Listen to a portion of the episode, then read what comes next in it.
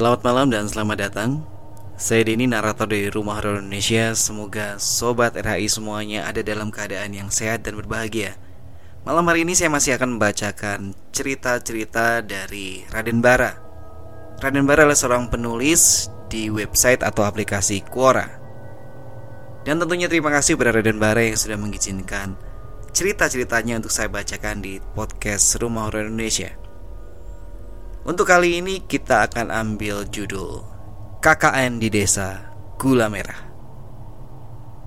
Januari 2015, saya dan delapan orang lain mengikuti kegiatan KKN di suatu desa di pesisir Kebumen.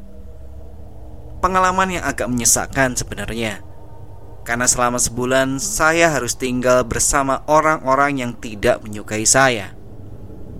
Mungkin karena saya pendiam dan gak asik mereka sering mendiskriminasi saya, mengunci saya di luar, sementara mereka asik makan sate, mencuri lauk jatah makan saya, menyuruh saya melakukan tugas berat, mengirim saya ke rapat kecamatan tanpa persetujuan saya, pakai kertas undian yang digulung, tapi ternyata isinya nama saya semua, menyuruh membersihkan maaf tai ayam dan sebagainya.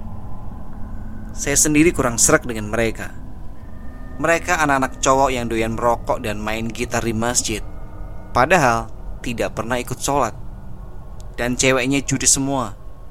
Sering menatap sinis ke saya. Pernah saya ditinggal di posko berdua dengan Alfi. Anak kedokteran yang cantik dan montok, tapi menyeramkan. Sementara yang lain main ke kafe di Gombong tanpa izin ke koordinator. Malam itu saya nonton TV sambil was-was karena si Alfi terus memelototi saya dari belakang sambil makan mangga dan memegang pisau. Mungkin dia jaga-jaga, barangkali saya berbuat nakal, tapi saya rasa tindakannya berlebihan. Saya tidak bisa tidur di kamar karena banyak tumpukan cucian berbau menyengat saya pernah dihujat karena menyarankan cuci piring dan baju sendiri, jangan ditumpuk dan mengandalkan piket. Tapi saya malah dibilang egois. Karena tak betah di kamar, malam itu saya putuskan tidur di masjid sebelah posko, berbekal sarung tipis sebagai selimut. Setelah sholat tahajud dua rakaat, saya pun tidur di teras masjid. Tengah malam, saya bermimpi aneh Seolah saya sedang berada di tepi neraka yang menyala-nyala. Saya melihat teman-teman KKN diceburkan ke api satu persatu. Dan sayangnya saya tidak bisa berbuat apa-apa. Hanya bisa melihat. Saking takutnya saya langsung terbangun dengan banjir keringat. Mimpi barusan terasa begitu nyata. Saya beristighfar dan menenangkan diri. Berharap tadi itu cuma mimpi biasa. Jujur, itu bukan kehendak saya bermimpi seperti itu. Saat mencoba tidur kembali, sayup-sayup saya mendengar suara gamelan di dekat saya, seolah sedang ada hajatan.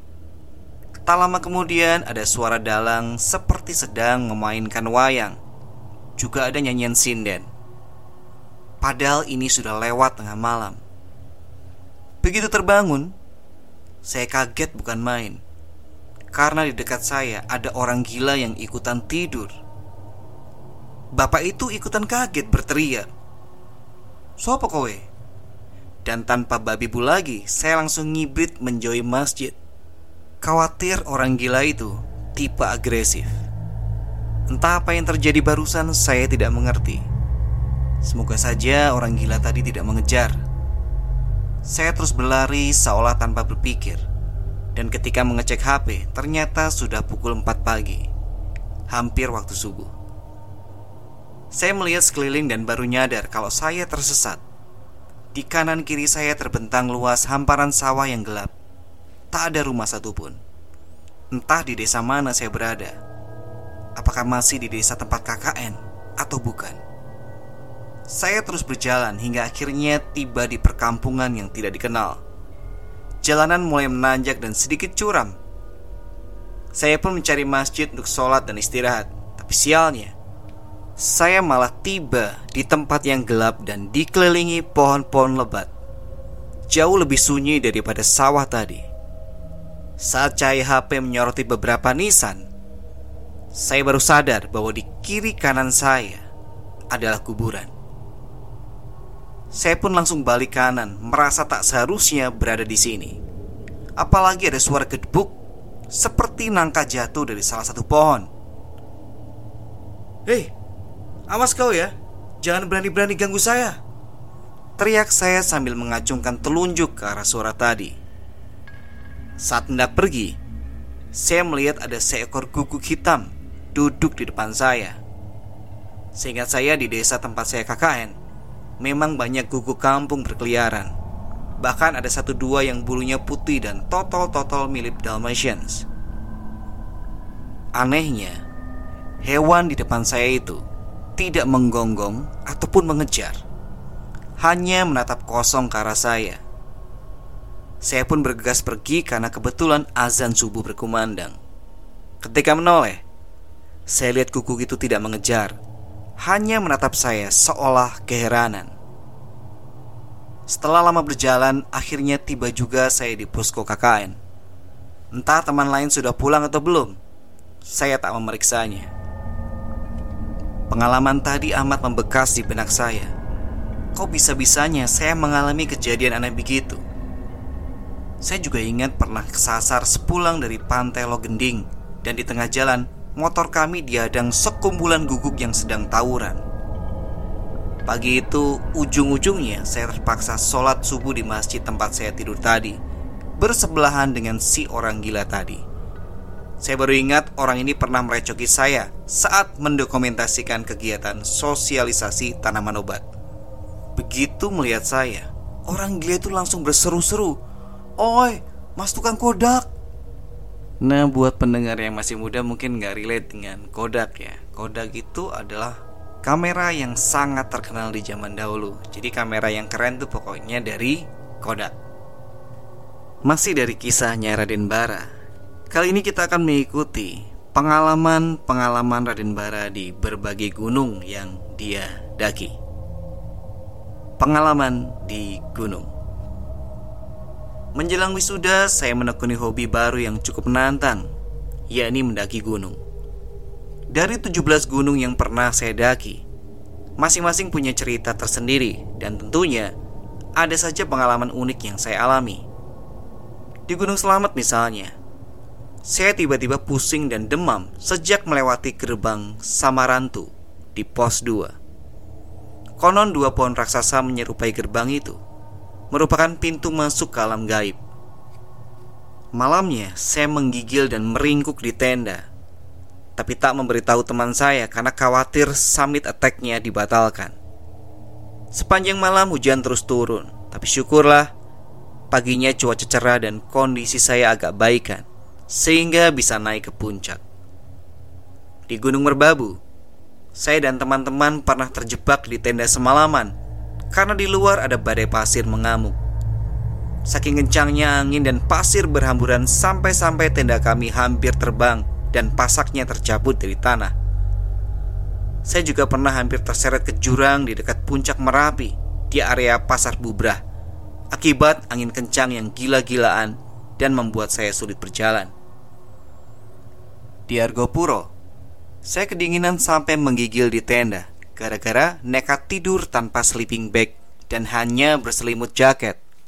Pasalnya, Alat tidur saya dipinjamkan ke teman perempuan yang tasnya basah kehujanan. Kampretnya, tenda kapasitas satu orang yang saya bawa malah dipinjamkan ke dua pendaki perempuan oleh trip organizer yang tak bertanggung jawab. Padahal itu di luar biaya trip. Untunglah lama-lama saya terbiasa dengan sensasi dingin itu. Jadi tidak masalah.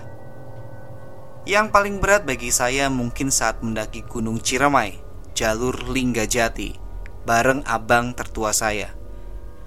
Pantas jika jalur ini disebut sebagai yang tersulit di Jawa Barat. Saya yang paginya tak sarapan merasa amat kepayahan saat melewati tanjakan curam. Perut saya lapar bukan main. Mana bekalnya cuma cukup buat masak di tenda pula. Oh iya, ada kejadian aneh saat kami melewati pos 4. ada orang yang tiba-tiba berada di jalur depan kami. Padahal sebelumnya orang itu tengah ngopi santai di pos 3. Apakah dia bisa teleportasi? Atau ada sosok lain yang menyerupai dia? Entahlah. Hal ganjil seperti ini memang sering terjadi di pendakian. Jadi kami tidak ambil pusing. Karena keburu sore dan kelelahan, kami memutuskan untuk bermalam di pos 6 bersama empat pendaki lain yang kami temui di jalan. Kami beristirahat di tenda masing-masing. Tengah malam saat kami tidur, tiba-tiba terdengar suara aneh dari tengah hutan. Entah suara apa itu, apakah hewan nokturnal, macan kumbang ciremai, atau apa? Kami tak tahu. Yang jelas hanya kami berenam yang camping di situ. Suara tadi terdengar seperti Hu yang bukan hanya satu, tapi dua, seolah saling bersautan. Saya dan abang saling pandang di tengah suasana yang mencekam itu, bersikir sebanyak mungkin. Eh, tadi sangka orang di tenda sebelah malah berisik. Itu suara apaan sih? Eh, itu suara apaan? Dan langsung dikeplak temannya, di apa ya, dipukul gitu ya. Udah diam, entar juga pergi. Tahun lalu saya mendaki Gunung Cikuray. Dan tak kenapa saya dicuekin teman-teman selama perjalanan. Kami mendaki berlima. Tapi saya merasa seperti mendaki solo. Pertanyaan saya tak digubris. Panggilan saya dianggap angin lalu. Saya pikir mereka salah mengira ini hari ulang tahun saya Makanya iseng ngeprank. Saya rasa setelah lama tak jumpa Sifat teman kuliah saya banyak berubah. Malamnya karena kesal saya naik sendirian ke puncak. Sementara yang lain masak-masak di tenda. Saya memotret langit berbintang lengkap dengan hamparan Milky Way Bermodalkan kamera HP dan tripod yang saya pasang di atas gardu Saat asik memotret Ada sekelompok pendaki lewat di dekat saya dan ngomong kasar Menyebutkan anjing dan sebagainya. Seolah menyindir saya tapi tak berani bilang langsung. Katanya saya menghalangi jalan Padahal area puncak kan luas. Harusnya mereka bisa lewat mana saja Karena tempat ini memang sepi. Menurut saya malah dia yang mengganggu dan arogan. Mentang-mentang saya sendirian dan dia berkelompok. Enggan berkonflik Saya pun menyudahi kegiatan saya Dan memutuskan turun ke tenda Langsung tidur setelah makan sedikit Malam harinya kami terbangun Ada suara ribut-ribut di tenda sebelah dua teman saya yang laki-laki keluar untuk memeriksa. Rupanya ada yang kesurupan, dan itu persis di samping tempat saya tidur. Banyak pendaki lain yang datang berkerumun, menawarkan bantuan. Beberapa orang bertugas memegangi tangan kaki si kesurupan, lainnya cuma bantu doa, termasuk saya. Kang Soma yang tiap harinya berjualan di situ turut membantu merukia orang tersebut, memaksa dengan kasar agar si makhluk gaib segera keluar. Kata si hantu, dia tak suka orang yang dirasukinya karena berisik saat mendaki. Sok-sokan nantangin sambil tertawa keras, makanya dirasuki biar dia tahu rasa. Dasar orang kota, pikir saya. Dua teman cewek sampai harus mengungsi ke tenda saya karena ketakutan. Karena canggung cuma bertiga di tenda, apalagi dengan lawan jenis. Saya berdiri hendak membantu yang di luar, tapi dua teman cewek ini menahan saya. Katanya takut ditinggal. Ya sudah Karena ngantuk berat saya pun lanjut tidur saja. Terakhir saya dengar Orang yang kesurupan itu akhirnya sadar. Dan dalam kondisi linglung Dia bilang ke temannya mau pergi pipis. Langsung dilarang karena takut kenapa-napa lagi Oke segitu saja cerita di malam hari ini. Semoga bisa menghibur kalian. Sampai ketemu di cerita berikutnya. Selamat malam Selamat beristirahat.